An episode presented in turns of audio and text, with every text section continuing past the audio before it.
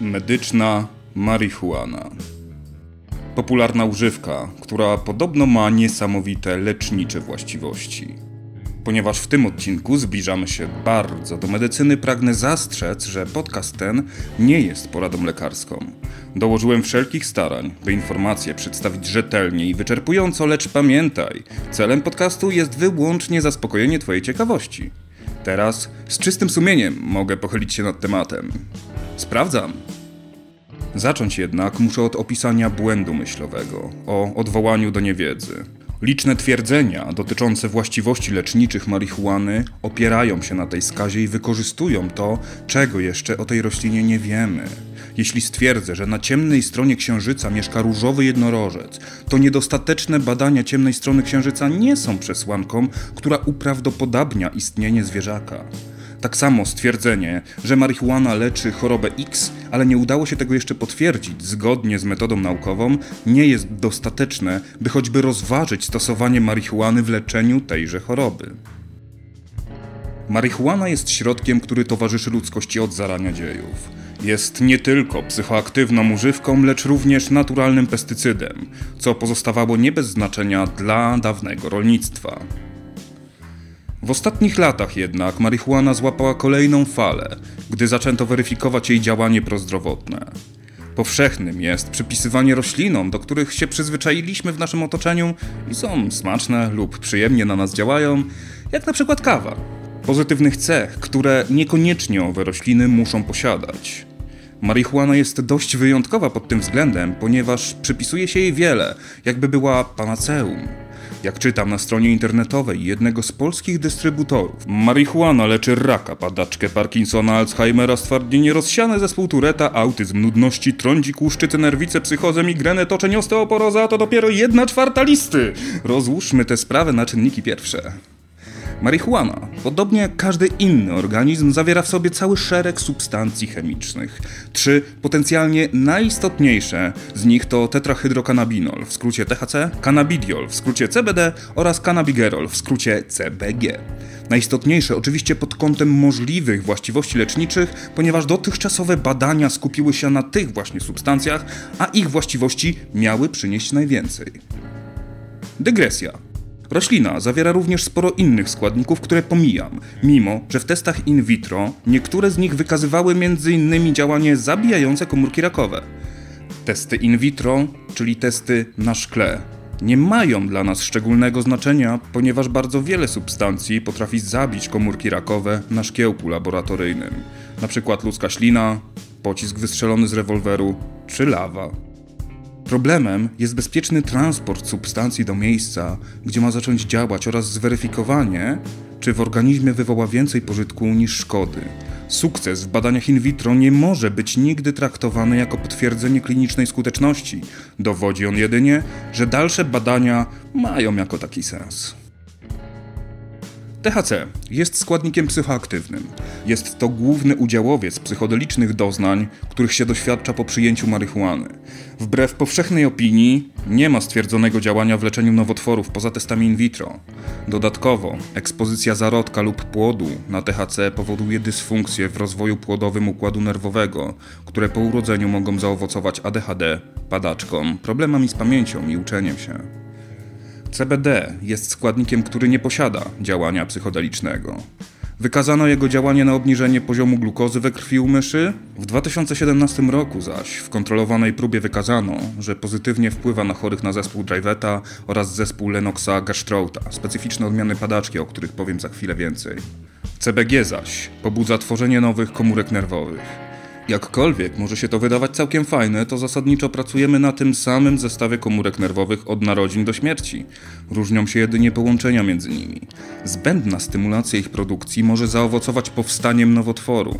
Istnieją obiecujące badania na myszach, które cierpiały na chorobę degenerującą komórki nerwowe, a podanie im CBG pozytywnie na nie wpłynęło. Różnice między mysim a ludzkim układem nerwowym są jednak zbyt duże, byśmy mogli powiedzieć już teraz choćby o potencjalnym takim działaniu na człowieka, a badań na ludziach czy na ssakach naczelnych jeszcze nie mamy.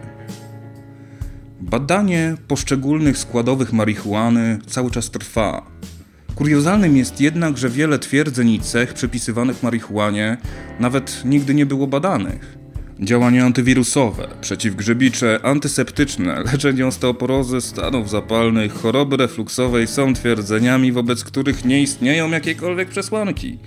Chociaż tutaj może się nasunąć, że skoro jeszcze badań pod tym kątem nie było, to może faktycznie to tak działa. Ale spójrzmy na to z drugiej strony. Skoro nie było badań, to na jakiej podstawie ktokolwiek stwierdził, że marihuana leczy osteoporozę? Badania nie są tanie, a i naukowcy niechętnie będą się brali do weryfikacji twierdzeń, które nie mają przesłanek do bycia prawdziwymi. Ale wróćmy do marihuany jako całości, która była badana wcześniej niż podczas fali popularności w ostatnich latach. Pierwsze badania w Stanach Zjednoczonych, przeprowadzone po wprowadzeniu prawa, które zdelegalizowało marihuanę, przeprowadzone zostały w 1976 roku i dotyczyły leczenia jaskry, a dokładnie badano efekt zmniejszenia ciśnienia śródgałkowego. Badanie wykazało, że efekt jak najbardziej istnieje, natomiast utrzymuje się zbyt krótko, by miał zastosowanie medyczne. Tym bardziej, że istniały już wtedy leki, które powodowały ten sam efekt, ale potrafiły utrzymać go dłużej i bezpieczniej dla chorego. Kanadyjskie i amerykańskie stowarzyszenia lekarzy okulistów sprzeciwiają się używaniu medycznej marihuany z uwagi na liczne skutki uboczne. W 2015 roku w The Journal of American Medical Association opublikowano rozległe badanie dotyczące wpływu marihuany na chroniczny ból, a także na nadmierne napięcie mięśni u osób chorych na stwardnienie rozsiane. Wyniki badania były pozytywne, lecz skromne. Należy tutaj jednak podkreślić, że medyczna marihuana w Stanach gdzie została zalegalizowana, wypiera opioidowe leki przeciwbólowe, takie jak morfina, co zmniejszyło o 25% przypadki śmiertelne spowodowane zażywaniem tych leków. Opioidy jeńców nie biorą. Jak wyłączają, to potrafią wyłączyć na całego. I żeby nie mówić tutaj tylko o procentach, tylko w samych Stanach Zjednoczonych w 2016 roku w wyniku działania leków opioidowych zmarło 40 tysięcy osób. Również w 2015 roku przeprowadzono analizę dotychczasowych badań wpływu marihuany na nudności u osób poddawanych chemioterapii. Badania te okazały się niedoskonałe, pozbawione próby kontrolnej, nie można więc na nich oprzeć wniosku, że działanie przeciwwymiotne występuje, jedynie, że dalsze badania powinny zostać przeprowadzone. Możemy jednak stwierdzić, że dotychczasowe wyniki są umiarkowanie obiecujące. Każda substancja aktywna wprowadzona do naszego organizmu będzie wywierać na niego wpływ. Częścią będą działania pożądane, częścią zaś skutki uboczne. Dobór metody leczenia musi brać pod uwagę szkodę i konsekwencje. Dlatego też pacjentom terminalnie chorym nierzadko podaje się leki o niebezpiecznych działaniach ubocznych, ponieważ redukcja bólu może się okazać bardziej pożądana, nawet kosztem skrócenia życia. Aspekt szkodliwości jednak jest często pomijany, gdy mówimy o marihuanie. Wdychanie jakiegokolwiek dymu jest szkodliwe. Czy to papieros, czy to marihuana, czy to dym z ogniska mogą prowadzić do podrażnień i zapalenia skrzeli. Dlatego też bardzo pozytywnym jest fakt stosowania olejów, tym bardziej olejów pozbawionych psychoaktywnego THC. A psychoaktywne działanie ma swoje poważne konsekwencje. W roku 2014 w samym stanie Colorado po legalizacji marihuany przedstawiono statystyki śmiertelności w wypadkach samochodowych. 170 osób straciło życie w wyniku wypadku spowodowanego przez osobę pod wpływem alkoholu oraz 94 przez wypadki spowodowane przez kierowców pod wpływem ziółka. Neurologicznie działanie marihuany zwiększa ryzyko rozwoju schizofrenii i psychos, osłabia umiejętność uczenia się. Osoby wieloletnio nadużywające marihuany mają większe tendencje samobójcze. Na złego wilka w świecie medycznych zastosowań marihuany wyrasta olej RSO, stawiany często na równi z olejem CBD, który zawiera wyselekcjonowany, konkretny, najmniej szkodliwy składnik. Olej RSO produkowany jest z kwiatu, zawiera duże ilości THC, jest psychoaktywny, a przy okazji nielegalny w Polsce. Olej RSO został nazwany po swoim wynalazcy, Ricku Simpsonie. Jego produkcja jest prosta, stężenie substancji aktywnych nieprzewidywalne, jest to fantastyczna metoda, by zrobić sobie krzywdę. Olej CBD w 2018 roku został pozytywnie zaopiniowany przez Radę FDA jako skuteczny preparat redukujący skurcze mięśni w napadach padaczkowych o 40% w dwóch konkretnych wariantach epilepsji w syndromie Lennoxa-Gestauta oraz w syndromie Draveta, co stanowi około 5% dzieci chorych na padaczkę. To szczególnie niebezpieczne choroby o śmiertelności rzędu od 4 do 7% z uwagi na ryzyko wypadków w trakcie ataku. Należy jednak podkreślić, że rekomendacja dotyczy dzieci powyżej drugiego roku życia, jak również przypomnieć, że nie jest to leczenie choroby. Jest to jedynie redukcja częstotliwości ataków. Rada wykazała również, że rynek olejów CBD jest niedostatecznie kontrolowany, większość preparatów zawiera mniej CBD niż zostało zadeklarowane na etykiecie, jak i zdarzały się takie, które były go całkowicie pozbawione. Zastosowanie leczniczej marihuany lub jej ekstraktów w pomocy chorym na epilepsję jest wyjątkowo modnym tematem, dlatego warto tu podkreślić parę rzeczy. Składniki marihuany mają właściwości antyspastyczne, czyli przeciwdziałają mimowolnym skurczom mięśni. Jest to pożądany efekt przy stwardnieniu rozsianym, przy epilepsji czy przy chorobie Parkinsona. Choć w przypadku tej ostatniej okazało się, że efekt marihuany nie jest wystarczający, by chory odczuł to jako poprawę. Wróćmy jednak do epilepsji. Jest to choroba neurologiczna, w której drgawki są zaledwie jednym z wielu objawów ataku. To, że chory się nie trzęsie, nie znaczy jeszcze, że nie przeżywa ataku. Tym bardziej, gdy mówimy o dziecku, które przecież nie powie nam, że coś nie tak widzi albo że mu się język plącze. Z tego powodu zalecenie jest tak bardzo precyzyjne i dotyczy wariantów choroby, w których nagłość i gwałtowność ataku może zagrozić życiu chorego. Rodzic chce dla swojego dziecka jak najlepiej.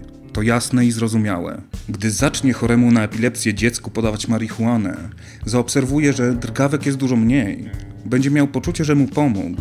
Jeżeli jednak będzie mu podawać marihuanę zamiast leków neurologicznych, to w spokojnym, niewzburzonym już spazmami ciele rozwijający się mózg będzie nieustannie wstrząsany wyładowaniami elektrycznymi. Ale te widzimy wyłącznie podczas badania EEG. Dziecko, do niedawna wstrząsane atakami, grzecznie śpi. A może mózg się poddał, a dziecko straciło przytomność po ciężkim, lecz cichym ataku? Dodatkowo wiemy, że jeśli napad epilepsji będzie trwał ponad 60 minut, to neurony zaczynają obumierać. To jedne z niewielu komórek, które nigdy nie odrosną.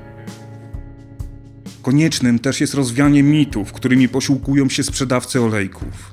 Przede wszystkim nie ma czegoś takiego jak wyleczenie padaczki. Z wiekiem natomiast ataki występują coraz rzadziej. Ludzki mózg pracuje coraz wolniej i stabilniej, a chorzy też się uczą, by unikać pewnych rzeczy. Właśnie dla nich są ostrzeżenia o epilepsji fotogennej przed niektórymi filmami lub w grach komputerowych. Coraz mniejsza częstotliwość ataków będzie występowała nawet jeśli pacjent nie będzie leczony w jakikolwiek sposób. Dlatego też łatwo wmówić rodzicowi kilkuletniego dziecka, że to właśnie ostatni rok terapii naszym nowym specyfikiem tak fajnie zadziałał. Drugi mit to filmy, na których widzimy dziecko w trakcie ataku, po czym ktoś wkrapla mu do ust olejek i atak się kończy. To tak nie działa. Substancja nie zdąży się nawet wchłonąć do organizmu, a leczenie polega na regularnym przyjmowaniu leków. Ataki nie są długie i tak się kończą, bez względu na to, czy by mu kropelkę podano, czy nie. Skąd zatem takie marihuanowe szaleństwo? Każdy chciałby być Big. Produkcja leków to fantastyczny biznes. Gdy w 2015 roku pojawiła się fala nowych badań, zaraz za nią powstała fala handlowców, którzy zwietrzyli okazję. Ciężko jest jednak zbić forsę na dzieciach z konkretnymi formami padaczki, których jest około 4 na 100 tysięcy ludzi. Epilepsja jest jednak chorobą nieuleczalną, zaś rodzic, widząc swoje dziecko w trakcie ataku, zrobi wszystko, by mu pomóc. Stosując medyczną marihuanę, żongluje rozwojem umysłowym swojego dziecka. Odpowiednie leczenie może wprawić chorobę w trwałą remisję. Wbrew temu, co mówią sprzedawcy olejków, całkiem nieźle sobie z tym radzimy, przynajmniej w krajach rozwiniętych. W przypadku ludzi terminalnie chorych nie musimy aż tak bardzo przejmować się długotrwałymi skutkami ubocznymi. Brutalna prawda jest taka, że oni i tak nie dożyją negatywnych konsekwencji. Z drugiej strony jednak musimy się bardziej przyjrzeć rynkowi producentów, którzy nie najlepiej starają się o jakość swoich produktów. Przypisywanie marihuanie cech i właściwości, które nigdy nie zostało udowodnione, jest etycznie naganne. Osoba, która sto razy przeczyta, że marihuana leczy raka, może w obliczu choroby zrezygnować z bardzo trudnych i wymagających, lecz całkiem skutecznych terapii, które posiadamy. Śmiertelność w wyniku chorób nowotworowych jest bezpośrednio związana z tym, ile czasu miał nasz mały, zły brat na rozwój, nim podjęto skuteczne leczenie. Nie ma czasu na próbowanie niesprawdzonych terapii, musimy działać tak jak umiemy. Jeśli się spóźnimy, to już nic nie pomoże. Wybitnie obrzydliwym zaś są próby łączenia walki o depenalizację marihuany z walką o marihuanę medyczną. Lubisz sobie zapalić, lubisz się wychillować, posłuchać przy tym fajnej muzyki i czuć się dobrze? Ależ zrób to, tylko nie dorabiaj do tego ideologii. Rozpatrywanie marihuany jako narkotyku oraz jako leku to dwie zupełnie oddzielne kwestie, a lekarz rodzinny nie będzie ci przepisywał jointa przed spotkaniem z kolegami. Takie działanie na dwa fronty jest szkodliwe dla obu spraw. Temat leczniczych właściwości marihuany jest rozwojowy. To, co wiemy na dzisiejszy dzień, powinno nam dawać nie więcej niż umiarkowany optymizm. Na sam koniec zaznaczę jeszcze, że nigdy nie będzie jednego uniwersalnego leku na raka. Stwierdzenie, że coś leczy raka, jest świetnym wskaźnikiem, jednoznacznie dowodzącym, że kłamie. Dlaczego? Bo rodzajów raka jest ciężkie mnóstwo. Mają zróżnicowane przyczyny, postacie, miejsca występowania i sposoby leczenia, ich tkanka jest bardzo trudna do odróżnienia od naszej własnej. Jeżeli chcesz wiedzieć więcej, polecam książkę Cesarz Wszech Chorób, biografia raka, która zdobyła Pulitzera i w miarę przystępnie pokazuje złożoność problemu. Wracając zaś do marihuany. Temat w zastosowaniu medycznym jest świeży, a dodatkowo zdominowany przez wzrastające firemki, budujące wręcz schematy LMM, byle tylko wcisnąć ci buteleczkę oleju, którego możesz wcale nie potrzebować. Co gorsza, istnieją też skorumpowani lekarze, również w Polsce, którzy we współpracy z importerami i producentami będą ci wciskać olejki, choćby chodziło o złamany paznokieć.